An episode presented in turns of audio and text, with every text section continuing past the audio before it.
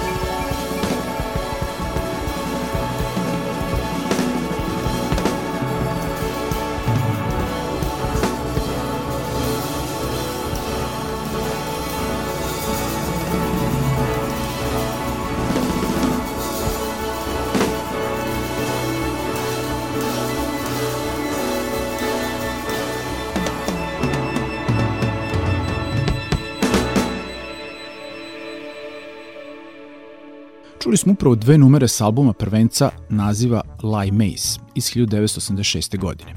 Sad idemo u 1988. kad je objavio svoj drugi autorski album naziva Street Dreams. Za večerašnju emisiju odabrao sam kompozicije Feet First i Before You.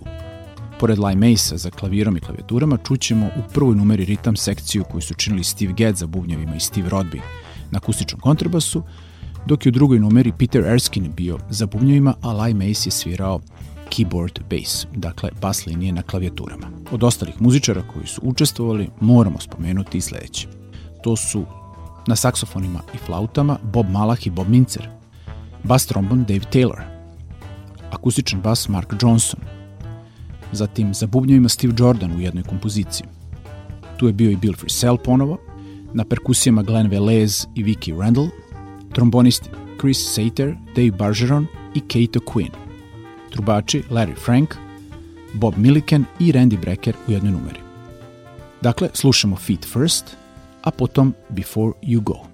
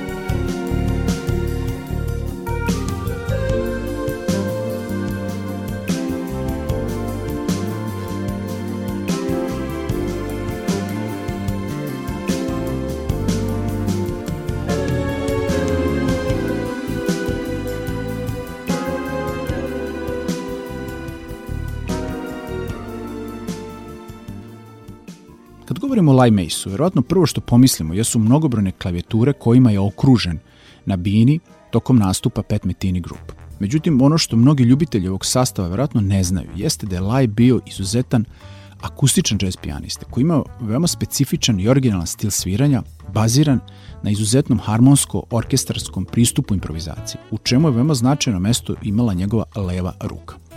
Pet Metini u jednom intervju istakao kako je takav subtilan, ali veoma bogat osjećaj za harmonska rešenja, vođenje melodije i slaganje glasova na klavijaturama, pre Laila čuo jedino kod Joe Zavinula.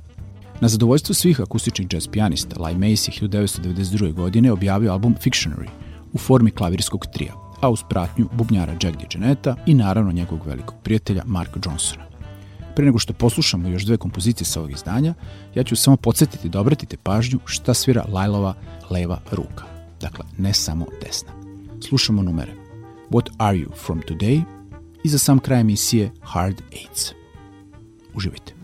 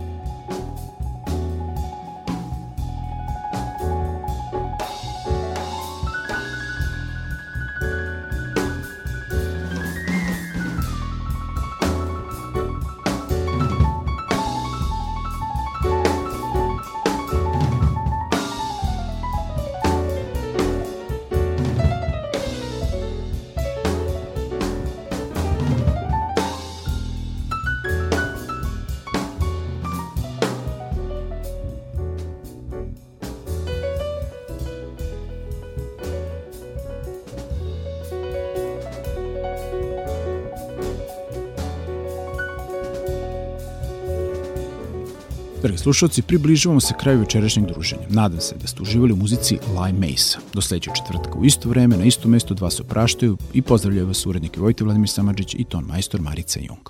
Prijetno.